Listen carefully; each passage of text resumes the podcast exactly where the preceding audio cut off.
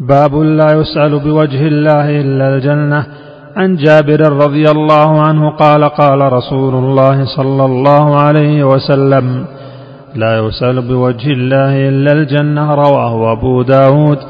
فيه مسائل الأولى النهي عن أن يسأل بوجه الله إلا غاية المطالب الثانية إثبات صفة الوجه.